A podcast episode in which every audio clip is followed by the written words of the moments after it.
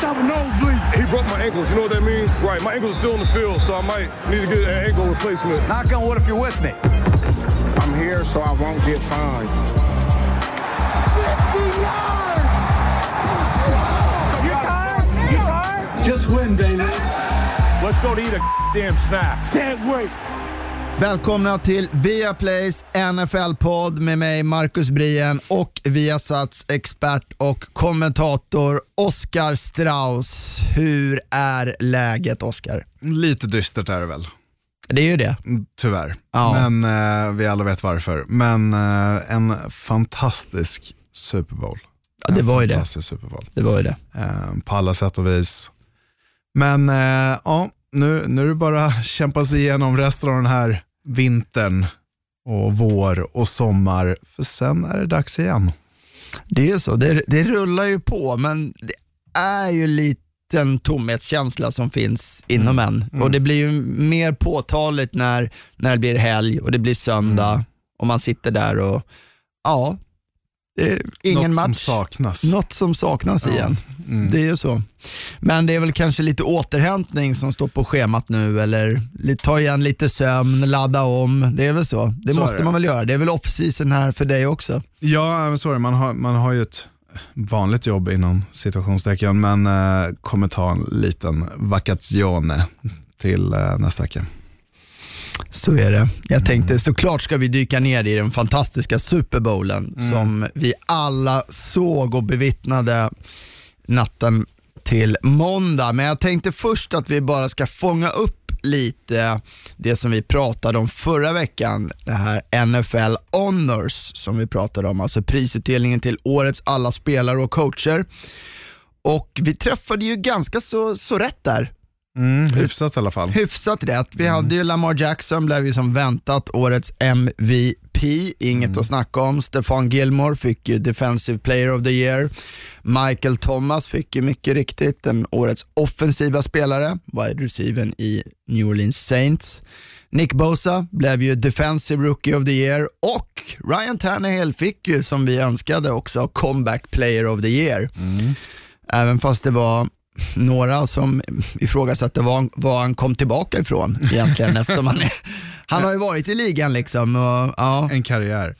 Ja, jag som följer mycket Jets så var ju många så här, ja, han kom tillbaka från Adam Gays ledarskap och Ja. ja, hans coaching.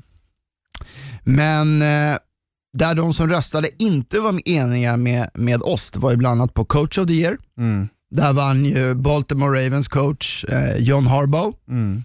Kanske inte så mycket att snacka om, alltså de gick 14-2 på det sättet. Mm. Vi pratade ju förra veckan om Kyle Shanahan, Mm. också med tanke på att den stora förvandlingen som 49ers hade gjort. Jag tycker att han är mer värdig och att man delar ju även ut årets assisterande coach som Greg Roman vann som är offensiv koordinator i Baltimore Ravens. Och, och den fattar jag till två miljoner procent. Alltså att han, det är ju han som har stått bakom det här liksom, offensiva schemat som man har implementerat i, i eh, Baltimore Ravens. Och den fattar jag till liksom, ja, helt, helt och hållet.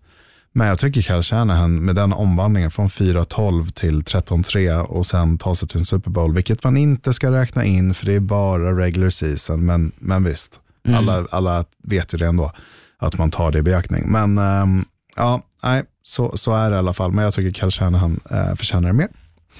Och liknande då på årets offensiva rookie, där vi hade slängt upp, vi slängde upp både eh, Josh Jacobs, running backen i Oakland Raiders, och eh, A.J. Brown.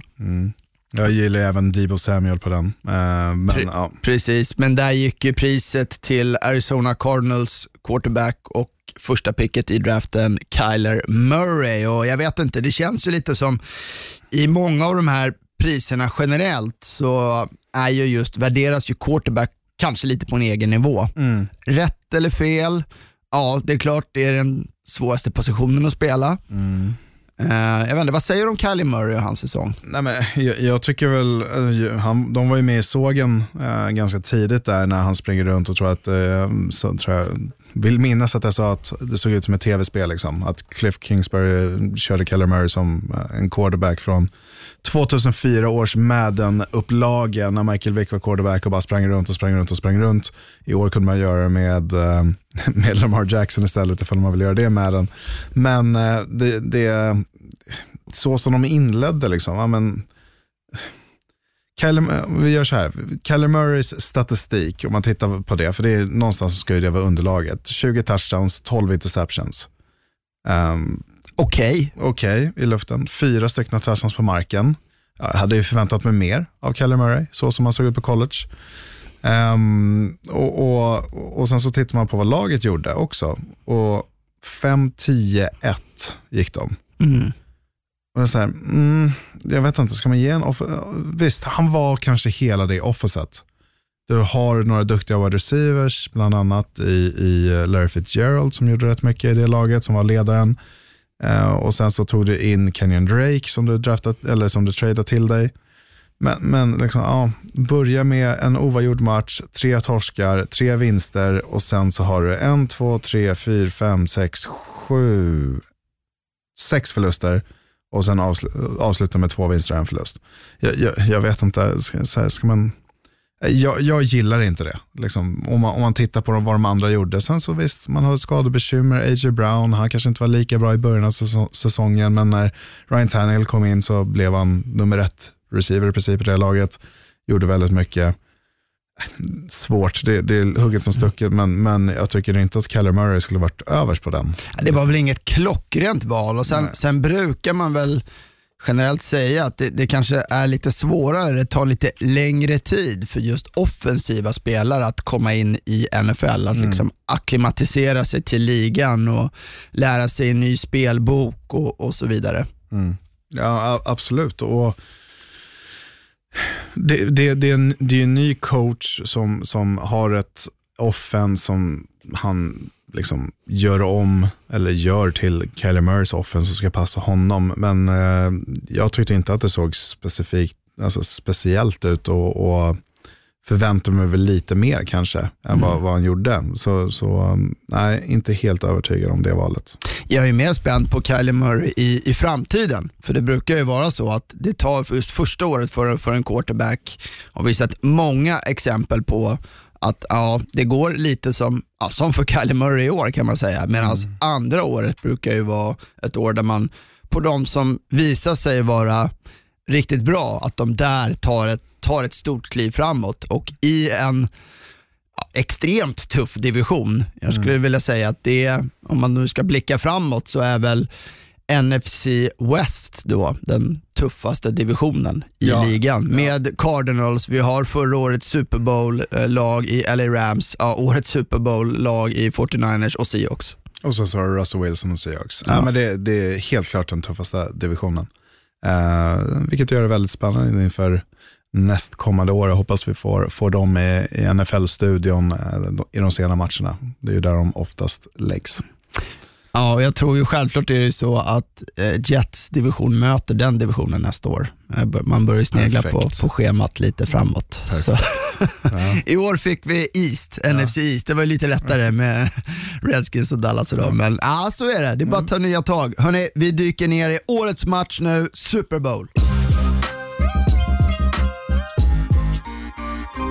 Årets Super Bowl, två jämna, väldigt välcoachade lag och förväntningarna och spänningen var ju på topp och jag såg många omröstningar innan. Jag hörde dig prata om det, både här och i studion, att man sällan känt på förhand att en match varit mera 50-50. Mm. Och så tyckte jag också inledningsvis att det, det såg ut. Matchen avgjordes ju av kanske små enskilda spelares briljans eller oförmåga i de avgörande momenten. Och vi ska ju dyka in mer i olika situationer, men de två sakerna som, som jag såg blev det övergripande avgörandet var den ena saken att vi hade en, en coach i ena laget, i Andy Reid, som inte var rädd, mm inte vara rädd att köra och verkligen gå för det och coacha för att verkligen vinna.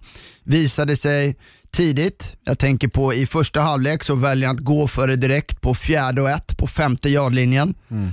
där många kanske är konservativa hade tagit tre poäng tidigt i matchen. Men han går för det. En direkt snap till Damian Williams som springer in bollen. Och även ett senare tillfälle i första halvlek igen där de går för det på, på fjärde och ett och lyckas. Medans då 49ers head coach Kyle Shanahan kanske inte riktigt gick att känna igen på samma sätt. Var kanske lite mer konservativ och tänker främst då på situationen i slutet på första halvlek när det alltså står 10 lika och de kan ta en timeout och då få bollen med ungefär 1.40 kvar av matchen och då ha två timeouts då och försöka driva för poäng men istället så låter han klockan i princip gå och ta matchen till halvtid. Och det här tyckte jag var en sak som sände lite olika signaler till sitt lag. Mm. Ja, är helt enig. Och, och för att dyka ner på Andrew Reid där, och han har ju fått mycket kritik genom åren att hans klockmanagement har varit i, i det lägre stadiet eller har varit sämre eh, rent utav. Och att han inte har vågat riktigt och, och här visar han verkligen att jag har lärt mig. Jag har lärt mig efter 21, 21, 21 år i ligan eh, som head coach så har jag lärt mig och, och det gjorde så att han blev en Super Bowl-vinnare. Och, och Kyle Shanahan, den stora delen, om vi ska liksom gå ner i de små delarna i, i, i, i första halvlek, slutet av första halvlek, som säger Marcus, 1.40 kvar skulle han fått tillbaka bollen och tagit en timeout. Det står 10-10 och man börjar med, ja, man får bollen med en minut kvar drygt. Eh, man börjar med två springspel, Kansas tar timeout. Um, på det andra springspelet och då är det ungefär 20 sekunder kvar. Då väljer du att passa bollen. Passa bollen, lyckas med det, får några yards eh, och sen så passar bollen igen till George Kittle som får en offensive pass interference som är tveksam. Liksom, så. Eh, det är en utsträckt arm, jag fattar det. Eh, jag låter hellre den vara och det kanske hade varit en annan matchbild då. Men, eh, men eh, ja, de kanske kan få ett field goal med sig i, den situationen. Eh, men då kändes 49ers starka och, och konservativt och samtidigt så ser man John Lynch stå uppe på läktaren och liksom skriker ta timeout, ta timeout. I, i, ja, går tillbaka till när, när det var 1.40 på klockan ungefär. Och det är så här, ja, de är inte synk där. Och Det är väl någonting som man kommer blicka tillbaka till och, och prata om eh, efteråt och man är inte helt nöjda med varandra. Ofta så, så är det general manager där som skäller ut en, en coach eller två. Men tror du att det är så, för det har man också hört lite i efterdyningarna här, att Shanahan kanske inte litar på, på Jimmy Garoppolo här riktigt till 100%. Och, eh, Jimmy Garoppolo hade ju tidigare i halvleken kastat en interception, en liten, ja, ganska dåligt beslut av honom. Han bara kastar iväg bollen egentligen. Om det kan ha påverkat honom och Shanahan sa ju även i intervju efteråt att ja, men han var nöjd att gå till paus med tio lika och då tänker jag så här, men ja, här hade man ju chansen. Sätta upp poäng på tavlan, man hade också börjat andra halvlek med bollen och kunna liksom göra ett ryck. Och, och det, det menar ju bara på en sak, att man vet inte vem man möter. Man måste inse att man möter Patrick Mahomes som kan göra tre, fyra touchdowns på, på fem, sex, sju minuter. Alltså det spelar ingen roll. Du, du, måste, du kan inte vara nöjd att gå till halvtidsvila med 10-10 och, och, och tro att ja, men det här kontrollerar vi med vårt springspel. För första halvlek, det var inte speciellt bra heller när det kom till, man kände inte igen dem. Man, de gick ut och passade bollen och liksom, ja, attackerade den, den delen som man förväntar sig att man förväntar sig att eh, Kansas ska stoppa springspelet, liksom, ladda boxen och så vidare och Jimmy Garoppolo passa bollen mer. Och det såg väl inte jätte, liksom, det såg okej okay ut. Man sprang, Raheem Mostert hade inte bollen i första kvarten typ.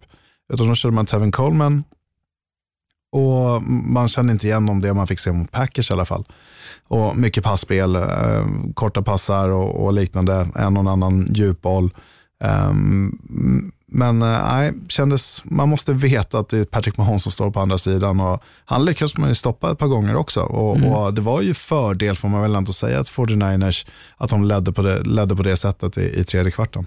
Men tror du det som jag är inne på, är är det något att han inte litar på Jimmy Garoppolo? Att han kanske var mer rädd att ja, men vi, vi ger bort bollen och Kansas som är Mm. explosiva istället sätter upp poäng på tavlan innan halvtid? Ja, men, jag vet bara, det man såg mot Minnesota Vikings till exempel, efter han kastade den interceptionen, så sprang de, jag tror det var 11 spelare av dem så här, för en touchdown och liksom dödade matchen där. Och, och, Jag tror att han passade bollen 14 gånger efter den interceptionen mot Vikings i ja, resten av den matchen där och sen eh, mot Green Bay Packers. Så, så det fanns ju en tydlig bild att liksom springspelet, vi, vi, vi dör med det springspelet. Vi vill inte lägga matchen i Jimmy Garoppolos händer. Ja, det, orolig, ja det får man väl säga. Eh, det var väl inte det man ville göra, man ville, det är ett bollkontrollerande lag som, som dör med springspelet egentligen. Mm. Um, och, och självklart, Jimmy, Jimmy G är ju inte som Patrick Mahomes eller kanske några andra quarterbacks, men samtidigt så blickar man ju tillbaka, man, vilka matcher hade han som var så helt fantastiska det här året, uh, Garoppolo. Och då tänker man tillbaka på Saints-matchen. Uh, och, och, på det sättet han kontrollerade den och, och kastade upp bollarna. och Det var några stora spel i den matchen. Och och de hade två minuter på sig att gå ner och vinna matchen med ett field goal, vilket man gjorde 48-46. Ja, liksom kan man få tillbaka det? Ja, men det hade man ju hoppats på kanske för 49ers del, men mm. nej, det, var, det kändes som att man var väl konservativ.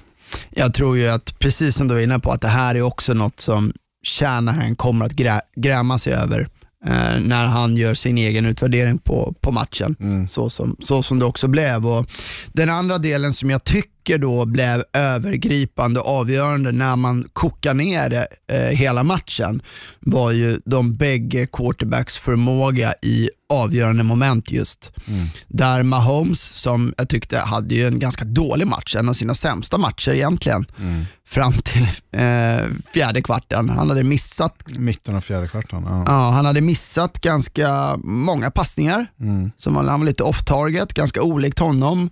Men han levererade som bäst när det gällde som mest. Och då han under alltså de sista sju minuterna i fjärde kvarten, han konverterade tre stycken third downs, mm. där han var briljant. Det var på tredje 15, tredje 10 och eh, third and goal. Mm. Medans då Jimmy Garoppolo också då på tre stora third downs i slutet, dels missade först en helt öppen receiver på en bubble screen, han läste spelet fel och missade Kittel när han hade liksom en, en incut i banan. Mm. Och sen på ett spel jag också tänker på när han missade Emmanuel Sanders som hade två steg på sin försvarare. Han var öppen, men han kastade bollen för långt, vilket annars hade varit en, en touchdown. Det var i slutet där tänker du? Ja. ja. Ja, jag, det, man visste att man skulle gå på, på fjärde down också, så jag kan köpa att man tar den shotten. Um, och, och sen, det är där matchen dör lite, men... men uh, ja, ja. ja, det var ju mer att han missade passen. Ja, ja den var överkastad och, och han kändes, kändes stressad i fickan. Och det var ju det, liksom, hatten av till Steve Spagnuolo som, som är defensiv koordinator i Kansas. Som, han kom med huset. Han, han kom med huset. Han, han eh, satte sina defensiva backar i tuffa situationer och de klarade av det och så, så kom han med minst sex stycken och satte pressen på Jimmy G. Och den interception han kastar har ju fått säga stillbilder på alla möjliga sociala mediekonton där eh, liksom, han har ögonen stängda när han kastar upp den bollen och hoppas mm. att typ F1, mm. George Kittle är där nere no. någonstans. Liksom. Eh, och, och, nej, jag, jag, eh, det, det är tveksam play calling tveksamma beslut på, på du säger, viktiga situationer, Marcus, um, för, för Jimmy Garoppolo. Samtidigt, om man, eh, om man då, håller du med mig här också om kring, kring Mahomes och Chiefs anfall, gick inte riktigt att känna igen. Jag tänker på egentligen de första tre kvartarna och mm. ser man till första halvlek, det var inga stora spel mm. alls. Där gjorde ju 49ers försvar riktigt bra, mm. stängde ner dem. Ehm, de fick ju liksom ta lite det som gavs. Det var Chiefs som hade lite, en del långa drives och man var bara en av sex i första halvlek på third down. Mm. Där man annars är bäst i ligan mm. på 47%. Man slog bara upp 10 poäng, vilket är, var säsongens lägsta. Mm. Eller delat lägsta för, för Chiefs. Och Chiefs tycker jag kändes lite frustrerade efter den första halvleken. Ja, men det, det är inte så jäkla konstigt. Man möter ligans bästa defensiva enhet och den defensiva linjen satte press på Mahomes hela dagen och han kände stressad i fickan. Han kunde inte stå riktigt still och ibland kunde han komma ut ur fickan eh, och, och, hitta en liten, liten lucka på utsidan och, och sen kasta, bort boll, kasta iväg bollen. Det är där han är bra. Eh, men när man väl var disciplinerad på den defensiva linjen i 49ers och kunde stänga ner, krympa fickan och Mahomes hade ingenstans att gå. Han hade en fumble, en sack fumble från Joey Bosa. Eh, där kunde liksom mycket snett ha, ha gått, men eh, mycket kunde gått snett där. Men, eh, och, sen så, och sen så två interceptions också, back to back. Eh, den första Ja, han, han, eh, det, de kommer med fyra spelare. Eh, 49ers sätter press. Man får en som är, hinner nästan fram till Mahomes. Han kastar bara iväg den på bli, i blindo. Eh, kastar sin 17 interception, 18 interception för, för sin karriär. Och 16 av dem, eller 17 av de 18 som han har kastat eh, vid det tillfället då, hade varit mot coverage eh, med sju plus man. Så man kommer inte speciellt med mycket press, utan han, han kastar iväg den in i coverage egentligen. Det, det är så han kastar interceptions. Um, och sen den andra, den är i Tariq Hills armar, eh, händer, den, den ska han ha, så den, den ligger inte på Mahomes utan det är Tariq Hill. Mm. Bollen var väl lite bakom honom kanske? Ja, ja. Men, men, men Tariq Hill har den 90 gånger av 100. Mm. Det liksom 9 gånger av 10 så, så har han den. Um, så lite, och man såg hur de satt och grämde sig och, och samtidigt då 49ers firade rejält och det här var i någonstans mitten fjärde kvarten. Mm. Eh, tio minuter kvar tror jag, fjärde kvarten. Och eh, då, då kändes det tungt. Då mm. kändes det tungt. Men det var då Tyron Matthew, som är ja, co-MVP i den här matchen i mina ögon, liksom steppade upp, pratade med sina mannar och liksom det här, vi, vi ger inte upp. Vi ger inte upp. Och satte stopp fick tillbaka bollen, de gick ner, gjorde en touchdown. Mm. Uh, och sen så började det. Mm. Nej, och ser man till, till andra halvlek där så, så var det ju så att Mahomes kom ut, som du sa, kastade två interceptions.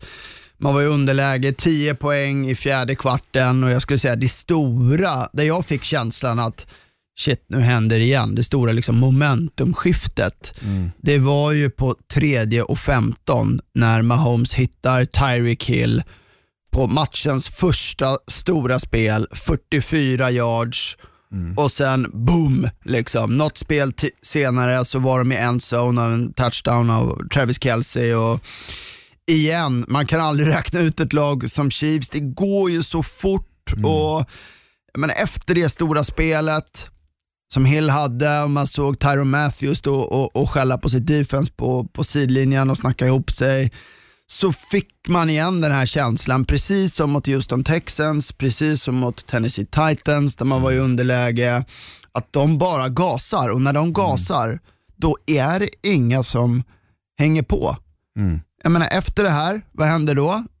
Det stora spelet och deras touchdown. Ja, det var tre snabba, det var tre och ut direkt mm. för 49ers. Mm. Chiefs defense steppar upp och driven efter ja, sätter de upp en, en ny touchdown. M MVP Mahomes var tillbaka. Mm. Han var 5 av 5 på den driven för 60 yards.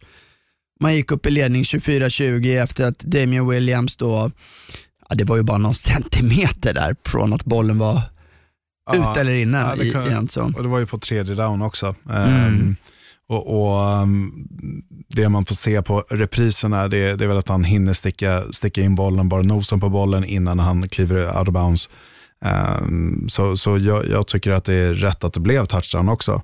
Men, men ja, det, stora spelet, eh, Tariq Hill, eh, tänker tillbaka till det. Och, och han sitter och grämer sig på sidlinjen spelet innan han har ja, mässat upp en, en interception och, och sitter typ och gråter på sidlinjen. Och liksom man kommer fram och peppar honom och så vidare. Och sen så kommer det här trips vänster och han står som nummer två wide receiver och han springer en post corner. Och den separationen han får, de spelar cover 3 i, i, i 49ers och man måste, de safetiesarna är så rädda för att han ska dra iväg på djupet. Och sen så bryter han ut dem mot sidlinjen och det är så vackert och han är helt öppen. Och man mm. undrar, hur kan han vara så öppen? Och bollen var ju så länge i luften kändes ja, ja. det som Nej, också. Men det var, mm. såg ut som att Mahomes bara kastade iväg bollen i princip. Och, och så står, och så står uh, Tyreek Hill där och plockar ner den och det är, det är helt galet. Tredje och femton, helt galet. Och det, det- var ju en sån här, håller du med mig där om att man kände momentumskiftet var så Ja, tydligt? herregud, ja, herregud ja. Och sen så, det var väl då den här pass interferencen kom också efter på, på Travis Kelce. Helt, eh, helt uppenbar också, så där kan man inte säga någonting om domarna heller. Men ehm, nej, det, det, var, det var där, då, då började allting ticka igång. Liksom. Och det är som att de hade med sig det här, den här känslan av att menar, de har gjort det förut. Och det var också lite som att 49ers visste att, också att Chiefs har gjort det förut. Jag menar, och det bevisar ju, det går ju inte, hur bra 49ers försvar än kunde hålla Patrick Mahomes, så går det inte att göra det i 50, 55 minuter av en match. För att släpper du lite sista fem, fem minuterna, nej, då kan det vara så här att tre touchdowns på tre drives. De har gjort det här i slutspelet hela vägen. Legat under, kommit tillbaks och sen så går det så snabbt. Alltså i, i andra kvarten mot Houston. Liksom, vad, vad var det, fyra touchdowns på sex minuter. Alltså, det, det är helt, helt galet. Nu gör man tre touchdowns i en Super Bowl av en quarterback som är 24 år gammal, går in på fem minuter gör tre touchdowns och vinner en Super Bowl. Efter att ha kastat två raka interceptions på två drives. Mm. Helt otroligt. Mm. Ja, och när de, när de gick upp där i 24-20, då var det ju ändå att 49ers hade ju ändå chansen. Menar, då, då kände jag så här upp till bevis nu, Mm. Jimmy Garoppolo. Nu är det upp till dig. Du har 2.44 kvar. Du kan leda laget till en liksom, Super Bowl winning touchdown drive. Wow, du hade blivit odödlig i 49ers här. Men man, blir- man kommer upp kort och istället så får Chiefs tillbaka bollen. Och, och eh, när Davian Williams drar iväg det på andra spelet och, och känner bara så här, men lägg dig ner. Lägg dig ner. Alltså där, där en veteran kanske hade lagt sig ner och matchen hade varit död, för de behövde bara en first down så hade matchen varit död. Eh, och, och nu fick man en liten chans till att, att eh, komma ifatt då, eh, med en minut kvar. Men det ja, skulle mycket till. Eh, och då var det bara chansnings, chansningspassar. Och där i slutet, Jimmy Garoppolo tar en sack på fjärde down. Um, eller han tar en säker på fjärde down och slutar där och, och det får man inte göra heller. uh, utan den bollen måste iväg. Uh, Patrick Mahomes blev ju också Super Bowl MVP. Eh, och ja, som vi sa, det var ju faktiskt inte, han hade ju en ganska dålig match fram till, fram till då sista tio minuterna. Men det, allt räknas ju. Jag menar, leder man ändå laget till tre raka touchdown drives i fjärde kvarten, är bäst när det gäller, så ja, är ju det välförtjänt, det är inget att snacka om. Eller hade du hellre sett någon annan? Ja, men jag, jag, I studion, så vi pratar ju självklart mycket med Holmes, pratar, mycket Tidansen, Kittel och eh, Kelsey. Eh, Jimmy G pratar vi en hel del om också. Men precis innan matchen startade så, så, så, så la jag in en brasklapp och sa, Damien Williams har vi inte pratat om. Jag, jag tror att han kan ha en väldigt bra match och anledningen var till, till det att man förväntar sig att det här är ett passande lag i, i Kansas. Och, men hur slår man det här vida jag tänker 49ers fyra stycken defensiva linjemän. De ställer upp en vid nia. Vad det är att man ställer upp långt ut på utsidan som defensiv end på, mot en tackle. Vilket skapar stora hål för springspelet. Och när man gör det så kan man springa på det här försvaret.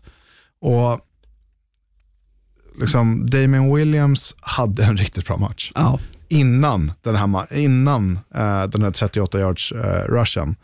Så han avslutar ju matchen på 104 yards, en touchdown eh, sprungna och sen även 29 mottagna och touchdown där också. Så jag hade kunnat se Damien Williams ta den också. Men någonstans så tror jag att man har med i beräkningarna hur man vann i slutspelet, de här tre matcherna som de hade. Och Patrick Mahomes har varit helt otrolig de här tre matcherna. Skulle finnas en MVP för slutspelet, ja men då är Patrick Mahomes alla dagar i veckan. 10 touchdowns, han kastar två interceptions, han springer över 100 yards. Han är helt otrolig. Helt otrolig. Och han är 24 år gammal. 24 år gammal, han har två raka divisionstitlar, han har en MVP i ligan, han har en Super Bowl, han har en Super Bowl MVP. Jag menar, ska vi börja blicka framåt här äh, så är det en kanske en ny liksom, dynasti brukar man ju prata om i NFL. Lag som år efter år kan leverera och liksom vi har haft Brady Belichick som det utmärkta exemplet och har vi en, en ny dynasti här i Chiefs med Patrick Mahomes och Andy Reid. Ja, men Andrew Reid, sen han kom till Kansas har han haft en förlorande säs- säsong. Tagit sig till slutspel varje år. Nu har han en quarterback som är helt otrolig. Som han aldrig haft tidigare, liksom, förutom förra året då, självklart. Då tog han sig till en AFC Championship där man förlorade på att D4 gick offside i princip när han tog interception. Man kan ju säga vad som helst om den. Man kanske inte hade fått en interception ifall det inte varit ett free play visserligen. Men, eh, men Nej, jag, jag hoppas det. Jag älskar Andy Reid. Jag älskar honom. Eh, jag älskar Patrick Mahomes. Jag älskar det här laget. Det de gör. Jag hejar ju inte på någon i NFL, men det är fan nära nu att jag har min De är så roliga att titta på. Ja, hur kan man inte älska offensiv fotboll som vi sa Ja. förra veckan? Liksom. Det går inte. Och, och just inledningsvis Marcus sa det så här, det här var 50-50 match. Jag har aldrig varit mer kluven inför en match. Jag har sagt så här, ja, men det här vinner 49ers, det här vinner 49ers. Liksom, komplett lag, alla lagdelar, springspelet, hur kan man betta emot det här defenset också? Liksom, defense wins championships, det, det är det liksom inprintat med ett huvud i, i 20 år i amerikansk fotboll. Och, men sen är, vi har ju det här picket varje som vi ger med, gör med NFL-studion och jag bara kastar iväg det på söndag eftermiddag så här, Kansas vinner. Alltså, jag kan inte gå mot, mot hjärtat, sa du i studion innan också. Liksom, hjärtat och magen det säger Kansas. Liksom. Jag, jag kan inte. Jag älskar offensiv fotboll och hur kan man betta emot den bästa spelaren i ligan som ligan har sett de här två sista åren? Det, det går inte. Jag kan inte göra det. Och, och Patrick Mahomes bevisade, visserligen bara de sista halva fjärde kvarten, så, så är han utomordentlig och fantastisk. Och som du säger Marcus, första tre kvartarna, han, var, han, var, han hade sämre statistikrad än Jimmy Garoppolo. Samtidigt, jag menar, vi står här och vi säger det, men man slår ändå upp 31 poäng mot ligans bästa försvar.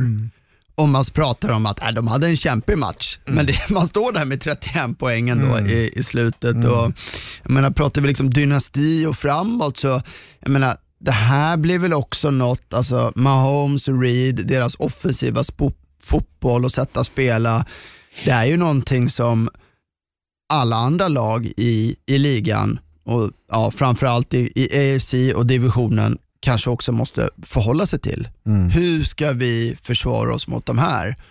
Jag vet att det var ju någonting som New England Patriots och, och, och Bill Belichick pratade mycket om, att de hade försökt an, anpassa så, sitt, sitt försvar och sätt att spela defense för att kunna stoppa just Kansas City Chiefs och Patrick Mahomes. Och det kanske är något vi får se framåt. Ja, och, och det kommer ju nya, nya spelare, ny, ny generation av quarterbacks också som måste anpassa dig mot. Hur, hur anpassar du ditt spel och ditt tankesätt när det kommer till kalla spel, coachande. Du, liksom, du leder med 20-10 med sex minuter kvar av matchen och du förlorar med 11 poäng. Ja. Alltså, hur, hur försvarar det? Hur lägger du upp en gameplan mot det som coach i, i andra laget? Men det går ju inte. Nej. Det går inte. När du möter Tyreek Hill, när du möter Patrick Mahomes, Travis Kelce, det, det, det går inte.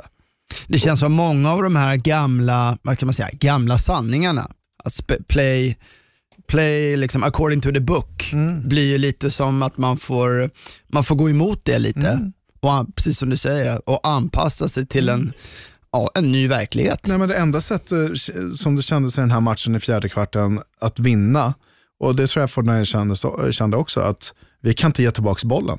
Vi kan inte göra det. Vi kan inte lita på ligans bästa defense. Vi kan inte lita på det när vi möter Patrick Mahomes. Och det är galet. Det är riktigt galet. När man ändå har hållit dem till då ja, 17 poäng i, i ja, tre och en halv kvart. Alltså, man, man måste ändå känna för, för 49ers här, jag menar, de tar en interception, Mahomes andra in interception med ungefär 10 minuter kvar i fjärde kvarten. Alla var så glada. De körde team Ja, picture en zone. Precis, och och jag såg någonstans att ja, där så hade de en då sannolikhet enligt siffrorna att vinna med 95%. Men det är ju så här, siffrorna tar ju inte hänsyn till att det är Mahomes och, och Andy Reid och Tyreek Hill och alla. Och, men vad, vad, vad, tror du, vad tror du 49ers känner när att, ja, att de kunde gjort annorlunda då? Oj. Ja, jag tror att det kommer kastas en och annan blick på kallkärnan i första, kvart, eh, i första halvlek när man inte tar den här timeouten och liksom, man, man borde veta någonstans att ja, men man kan inte vara konservativ. Um, kallkärnan har ju varit här förut också. Uh, förlorat när man har lett med 28-3. Uh, och, och det är det här man kommer tänka tillbaka till också, att Kyle Shannon sumpar Super Bowls. Jag ska inte säga att Kyle Shannon sumpade Super Bowl mot Patriots, så det var inte hans fel uh, på det sättet, men, men det är någonting som ligger inprintat för han var en, högt upp i trädet när, när man var där med, med Falcons. Men uh, gjort annorlunda i den här matchen, det, det, det är det jag tänker tillbaka till. Alltså hur man hanterade klockan i slutet av första halvlek Framförallt.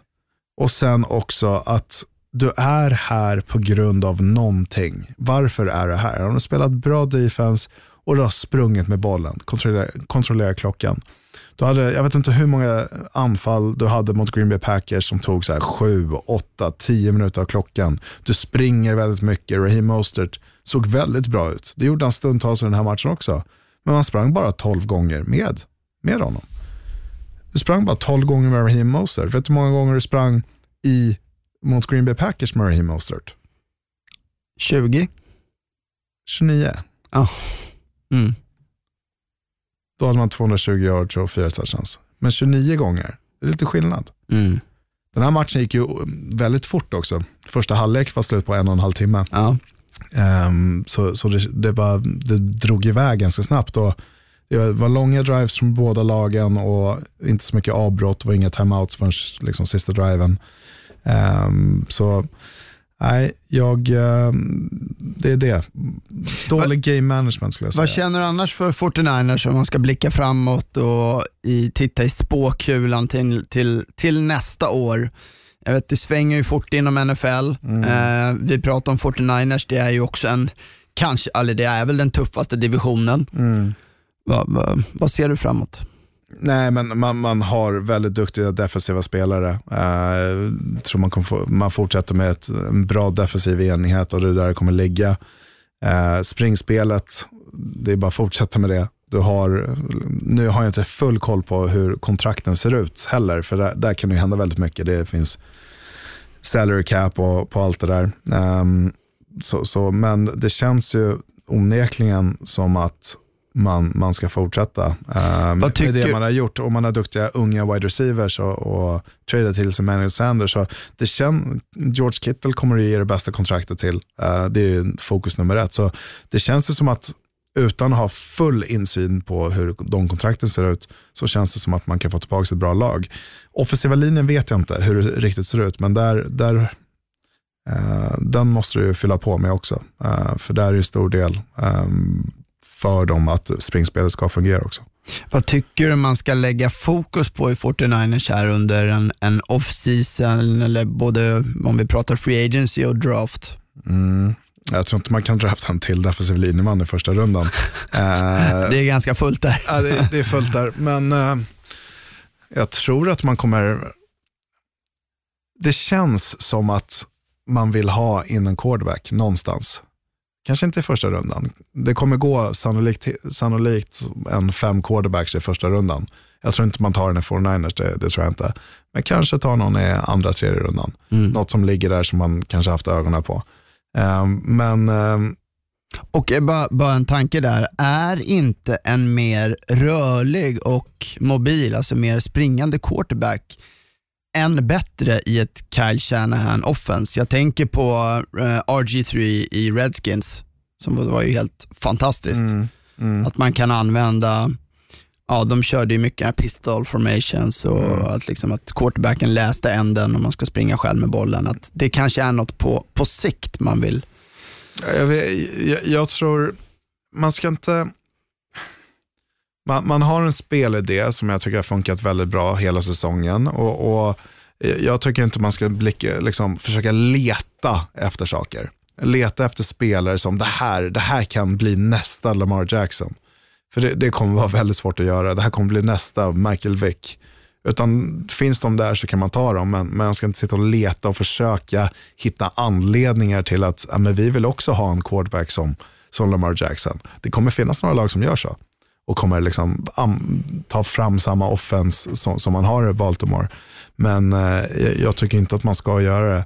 Jag, jag, man, man ska titta på råtalang och, och liksom fram, man ska anpassa sin spelbok efter det materialet man har.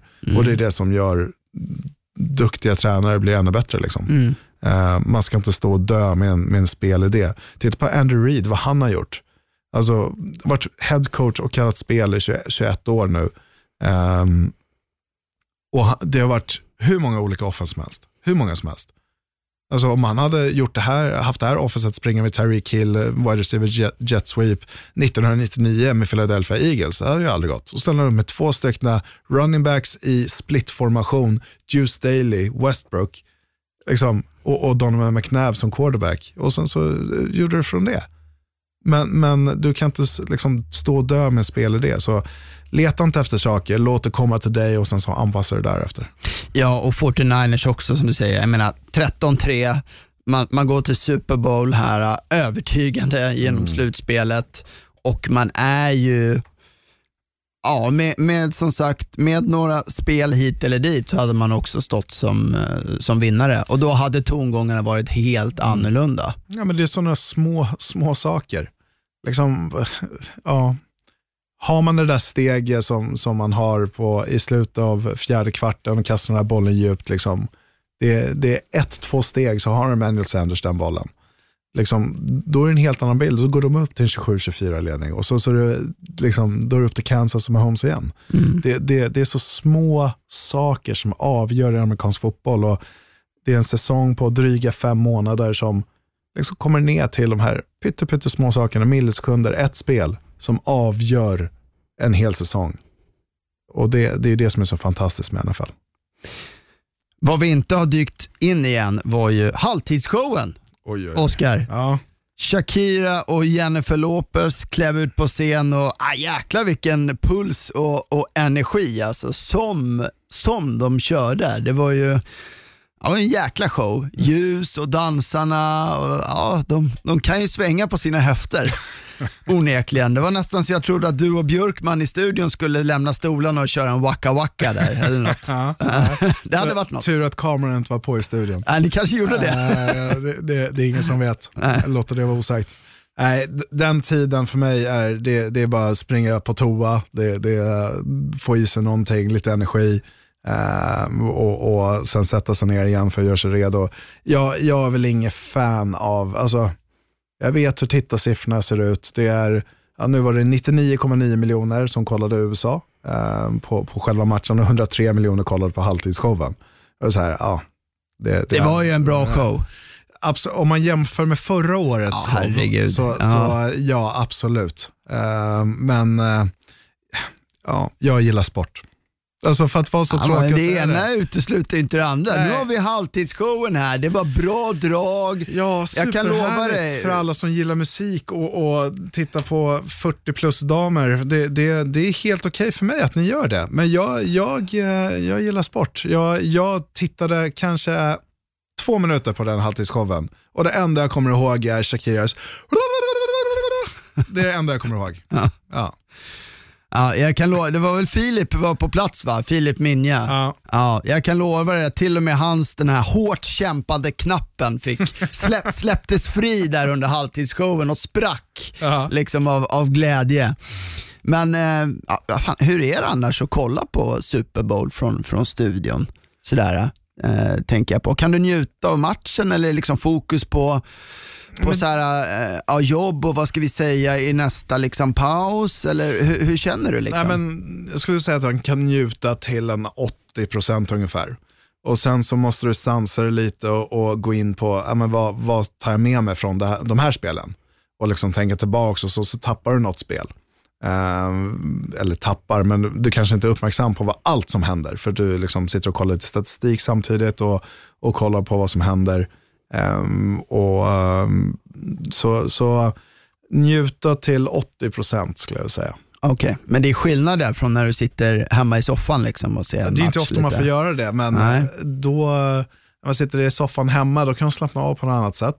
Eh, då, men då, sitter, då är det mycket annat som händer. Då har man redzonen på, man har match, en, en specifik match på och sen så ligger man och kollar Twitterflöde samtidigt och samtidigt kollar sin fantasy. Så det, det, det, Det är så jag jobbar. Ja, ja, men det, Ja. Det, det blir ett annat sätt också. Du kanske inte är 100% fokuserad på en match som man är när man sitter i studion.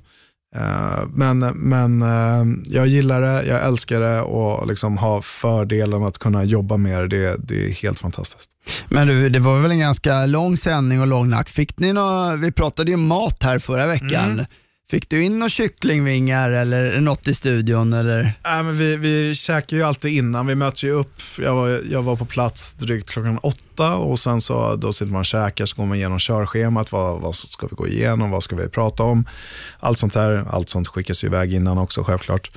Eh, fantastisk eh, produktion och blir bara bättre och bättre. Jag hoppas alla som tittar har, har uppmärksammat det också, för jag tycker det bara blir bättre och bättre för varje år som går och det här var vår bästa säsong hittills. Ehm, men eh, vi käkade, vad var det? Det var, det var en hel buffé, men dels lite caesarsallad för den som tänker på, på det. Uh, var smarrigt. Och sen så... Det går ju bort när det är Super Bowl, Ja, men det, det, Nej. det är ändå, ändå härligt. Sen var det så här, sliders, fanns. det fanns pulled pork med i pitabröd och liksom lite nachos. Det fanns, det, det enda märkliga som fanns på det där julbordet eh, i princip var, hade lagt fram en, den cateringfirman hade lagt fram en laxsida, cajunbakad lax, en hel laxsida. Okej. Den stod ju relativt orörd. Ja, det, det var inget som Björkman flög på Nej, direkt. nej, inte direkt. Han hade två, två stycken sliders i vardera eh, kind. Eh, Men eh, nej, det var det, var, det Men det var det inget märkliga. eh, under matchen då, sådär, när, under sändning? Alltså, när Nej, men vi får ju alltid in lite mackor och sånt också. Men jag, jag var relativt klar där. Ehm, jag åt inte, jag tog en liten ba- backning på, på, vad var det? Det var på pulled porken eh, i, i halvtid. Det var det enda. Så fanns det kokostoppar, en sån tog jag också. Det var smarrigt. Ja, för egen del har jag ju knappt käkat sen Super Bowl. Herregud. Ja, shit. Och sen drog brorsans polare fram cheesecake där runt matchstart. Då var det bara så här, ah, ah, hur ska det här gå? Oj, oj, oj. upp en, knäppa upp en knapp till liksom. Ja. Mm. Hör du, om vi bara ska, ska vi göra så här? Ska vi lämna årets första Super Bowl-pick till nästa år? Oj, Redan nu. Vilka som är där? Vilka är i Super Bowl nästa år, Oscar? Uff. Vill jag att du ger ett första så här, och det är klart, det kommer säkert, du kommer ju få tippa mer här närmare, men äh, årets första är innan allt, free agency, draft och så vidare, skador och allt. Oj, oj, Här och nu, vad säger Strauss magkänsla? Uff. Fan, det här var tufft. Det här var man inte förberedd på. Nej, du får ibland slänga sådana där bollar, då måste du vara där. Snabba händer. Mm, det här blir inte bra podd. Uh, Magkänslan. magkänsla. Ravens tappar, jag tror de har tio stycken på offense som inte har utgående kontrakt eh, som kommer tillbaka nästa år. Jag säger Baltimore Ravens. Som möter, som möter, som möter NFC tufft alltså. Ja men, fan ska vi göra det lätt? Vi gör det lätt. Nej, det gör vi inte alls det. Nej, men vi eh, kör på Baltimore Ravens mot 49ers. Okej. Ja. Ja. Du, du, var inte helt, du köpte inte den helt. Ja, alltså hej, NFL. Allt kan hända. Allt kan hända. Allt kan Ja. hända. Eh, vad ska jag säga då? jag fick ju faktiskt in mitt Chiefs som, eh, som jag sa innan säsongen i Super Bowl, dock mot Vikings då. Eh, var ju också nära, jag hade ju 31-27 till, till Chiefs i matchen. Så jag underskattade... Vilka sa jag i AFC det här året? Du sa väl Ravens va? Du sa ju vinnaren av eh, det som var första Ja, men det var ju halvvägs igenom. Ja, Ja. ja skitsamma. Ja, men jag, sä- jag säger Ravens också från AFC och en, eh, här och nu, en rejäl chansning. Atlanta Falcons, Oj, oj, oj. Ja, det gillar jag. Gillar Matty Ice. det vet jag. Ja.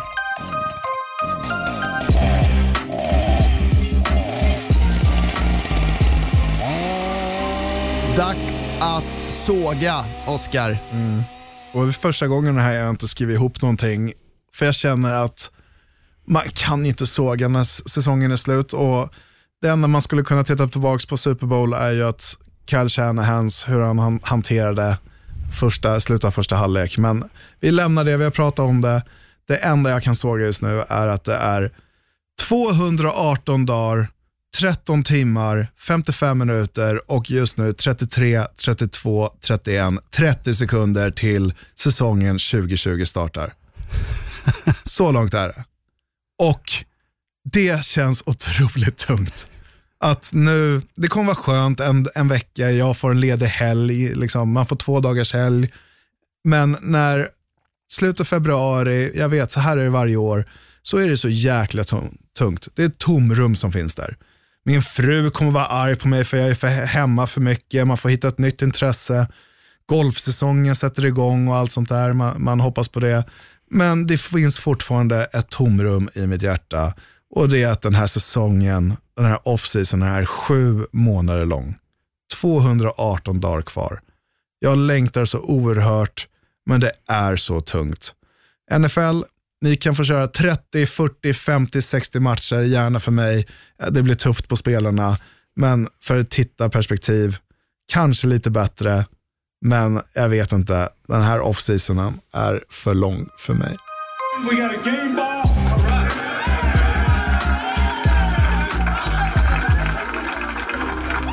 Veckans Gameball delar vi ut varje vecka till en person, lag, händelse inom NFL som vi tycker förtjänar det och sällan har det känts mer självklart än den här veckan då vi ger veckans Gameball till Kansas City Chiefs head coach Andy Reid. Andy Reid, otroligt välförtjänt. Han har ett stort coachingträd som man brukar prata om i ligan, alltså coacher som man har lärt upp eller som gått under honom, som senare tagit klivet vidare och blivit headcoach eh, någon annanstans, väldigt framgångsrikt.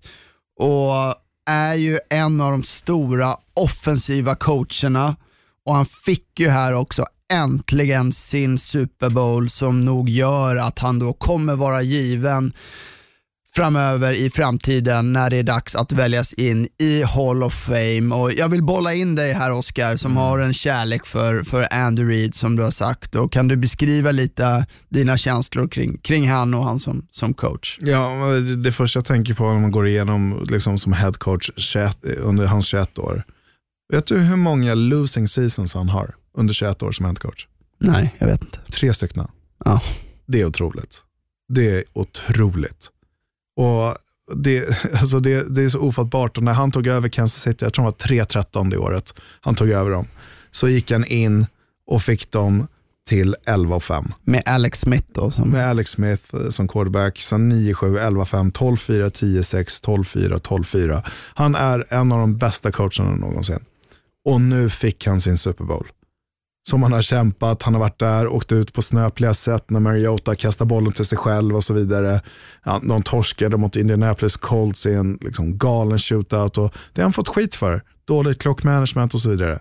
Men nu är han här, han har vunnit, han har vunnit det största av allt, Super Bowl, och han är garanterad Hall of Fame. Garanterad. ja, ytterst välförtjänt Andy Reid. Veckans Gameball är din.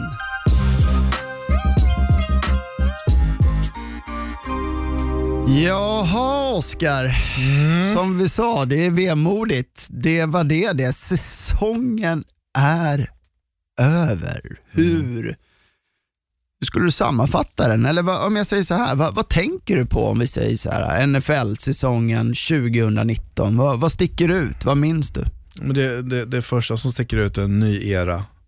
Ny era av fantastiska quarterbacks, nya spelare som kommer vara med lång tid framgent och, och liksom ett generationsskifte på specifikt quarterback-positionen. Lamar Jackson och, och, och Patrick Mahomes självklart och, och den biten. Och sen Drew Brees, vad händer med honom? Vad händer med Tom Brady? Vad händer med Philip Rivers? Ben Roethlisberger kommer väl kanske Eli Manning har redan slutat. Joe Flacco, Eli Manning. Det, det är generationsskifte och en ny era som kliver fram. Eh, som, som jag sa tidigare, fem quarterbacks kommer förmodligen draftas i första rundan. Det, det, det är en ny era av amerikansk fotboll och kanske hur man spelar fotboll också. Så det, det ska bli otroligt intressant. Jag tar med mig vad Magnusson nämnde det i studion som jag inte ens tänkt på. Den Super Bowlen eller Lombardi Trophy som delades ut till Kansas City, den hade vi ju här. Vårt event här för, för några månader sedan, vilket är helt fantastiskt. Ehm, det, ehm, det, blir, eh, är det, det är känslosamt samtidigt. Liksom man, vi, har, vi har fått se så mycket och, och det är alltid så hårt när man säger hej då till en, en säsong och, och allt man har fått vara med om. Men Nej, det, det blir aldrig som man har tänkt sig heller riktigt när det kommer till eh, NFL. Liksom, vilka lag är bra, vilka lag kommer liksom zonas ut och allting kan bara gå åt eh, pipsvängen när Mm. säsongen drar igång. Jag tänker på typ Pittsburgh Steelers som, som man ändå hade höga förhoppningar för. Liksom, åker på rejält med däng i första matchen mot Patriots. Eh, och sen så var det, ja, ska jag inte säga slutet, men, men eh, ja. Nej, det var, det var en rolig säsong och ett fantastiskt avslut. Ja, det är ju lite så här, det är ju vissa saker. Jag menar, man vet ju när, när vi har pratat om här 2010-talet, säsongen flyter ihop och sådär och vissa saker sticker ut mer, mer än andra. Ja, min känsla är likadan som du. Jag kommer, man kommer ju minnas det här lite som året med, med många nya quarterbacks. Lamar Jackson, hans verkliga liksom breakout year. Patrick Mahomes här, slutspelsrun känns, känns given. Overklig. Ja, tittar jag på, om jag tänker tillbaka på matcher i år som kommer vara så här, det här kommer jag minnas, så är det väl Saints 49ers matchen som kommer sticka ut.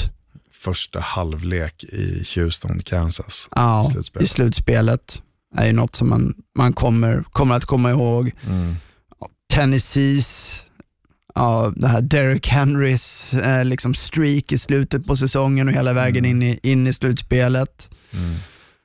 Ja, för egen del kommer jag komma ihåg eh, Sam Darnolds Mono Jets inledning på, på säsongen, tyvärr.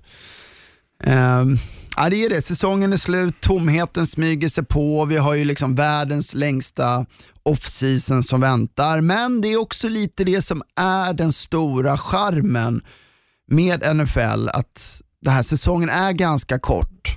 Betydelsen av varje match är så stor. Det är inte NHL där det är 80 matcher och det är match idag och övermorgon och dagen efter det också.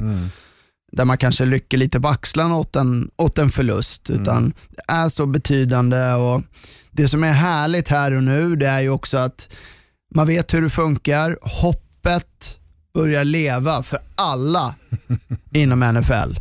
Alla fans då till olika lag. Man har många månader på sig att pumpa upp sig själv. Att i år så är det mitt lags tur.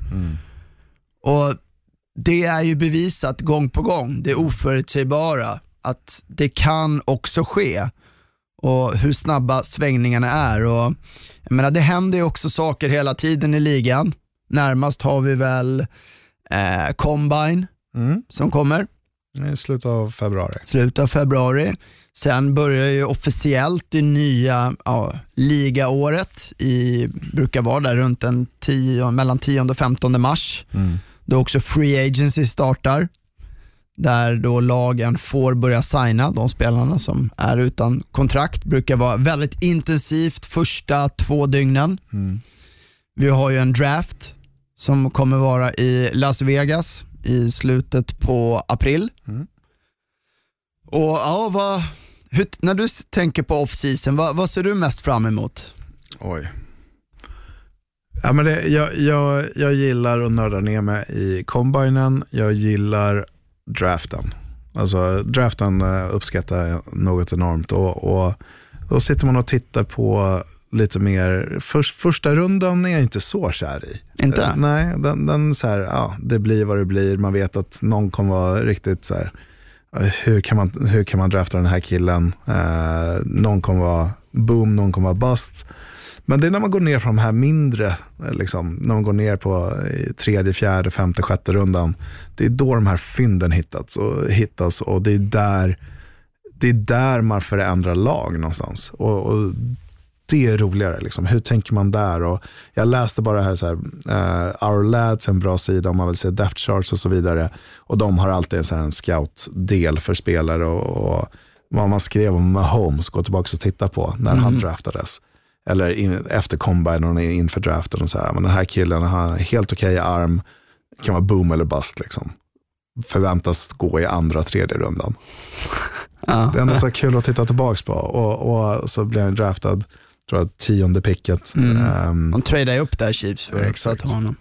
Men b- brukar du också titta mycket eh, collegefilm och lite sådär innan på, på vissa spelare eller skolor eller? Nej, men jag, jag försöker kolla på, på ISBN eh, en hel del inför det, eh, inför draften och, och se eh, lite så. Det är svårt, för mig är det svårt att hänga med, eh, det, för det är så många spelare. Men jag brukar gå tillbaks och titta på när man har tagit en spelare, kanske i första rundan då, så, men hur har han sett ut under college? Eh, det, det är rätt många spelare att hålla koll på, eh, men, men det är någonting som växer fram. Så man, jag gillar att kolla på eh, de här draftboardsen som finns och liksom mockdraftsen och, och, och allt det. Eh, det är kul. Eh, och sen vad man kan förvänta sig, för då börjar man snegla lite mot sina egna fantasyligor till hösten. Så här, men vilken spelare ska jag rikta in mig på när det kommer till eh, mindre, från mindre skolor och liknande. Eh, och det som jag tycker är kul också, det är de här mindre skolorna. Som, i och med, jag gick ju på en division 2-skola, de som kommer därifrån, till exempel Tariq Hill gick på en division 2-skola. Adam Thielen gick på en division 2-skola som jag mötte. Um, så det är de här, liksom, hur de kan växa fram och, och, och spela. Och snart kanske vi har en svensk där också. Uh, så det ska bli jäkligt spännande. Vi hade ju um, Jordan uh, från Notre Dame i studion här för några veckor sedan. Och, ehm, han ska ju gå sitt näst sista år. Nej, sista år blir det. eh, på college nu eh, i Notre Dame. Eh, så han kanske vi ser till 2021 års draft också. Ja, det vore ju, vore ju fantastiskt kul att, att få liksom en, en svensk i NFL. Det är ju otroligt tufft och ett sånt nålsöga. Och jag tycker det ska bli spännande också den här off-season och se lite vilken väg de olika lagen väljer just vad gäller quarterbacksen här. Eh, som, som du själv nämnde, liksom Drew Brees, Tom Brady, Philip Rivers. Eh, vilken väg väljer man? Är man kvar? Går man vidare? Hur gör man? Var hamnar de spelarna? Eh, det, eh, det ser jag fram emot. Det kommer bli väldigt kul. Och jag gillar ju också free, free agency den dagen när det släpps där och det bara sitter uppdaterat twi- Twitter och det bara bombas ut nyheter. Och, ja, för, för egen del som, som Jets-fan så bör, börjar ju nu processen med att börja lura sig själv. Att nästa år är vårt år. Jag har gjort det i 11 år nu i rad. Eh, och ja, I år händer det. i år händer det. Ja. Men hur har det här, det här är ju också vår första säsong. Hur har det här varit då? Ja, men jag tycker det har varit kul. Ja. Jag, det, det är alltid kul att få prata mer fotboll. Eh, för det blir ju liksom bara på söndagar generellt sett. Och, och eh, jag hoppas alla som lyssnar har uppskattat det också. Eh, och kommer feedback, liksom, vad vi kan göra bättre och, och, och liksom, vad vi har gjort bra också, men mest vad vi kan göra bättre.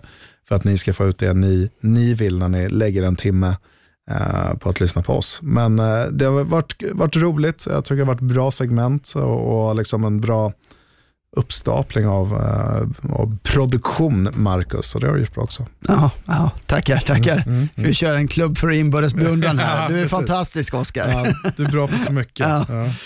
Nej, vi, vi kommer ju nu ta ett litet break. Eh, Det är inte spikat exakt när vi är tillbaka, men vi säger så här, ja, någon gång under våren kommer vi tillbaka. Ja. Det gör vi absolut. Det finns ju mycket att, att plocka upp, men kanske inte lika frekvent då med avsnitt varje vecka. Nej. Eh, utan det, det återstår lite att se. Ni får hålla koll och jag menar, eh, vi, vi har ju vårt konto på, på Twitter, att Viaplays NFL-podd, där ni alltid kan komma i kontakt med oss och vi vill ju verkligen tacka er som har lyssnat. Eh, det har varit otroligt kul att göra den här podden. Tack för er feedback, glada tillrop och Ja, det var kul att träffa många av er här också på det eventet som vi hade tidigare, där vi visade upp eh, Lombardi Trophy. Och vi, vi fortsätter tillsammans alla att sprida och älska världens bästa sport. Det gör vi. Stort tack säger då jag, Marcus Brian och Oskar Strauss, over and out. tjena! They can't stop a nosebleed. He broke my ankles. You know what that means? Right. My ankles are still in the field, so I might need to get an ankle replacement. Knock on wood if you're with me. I'm here so I won't get fined. You tired? You tired? Just win, baby. Let's go to eat a damn snack. Can't wait. produceras av I Like Radio. I Like Radio.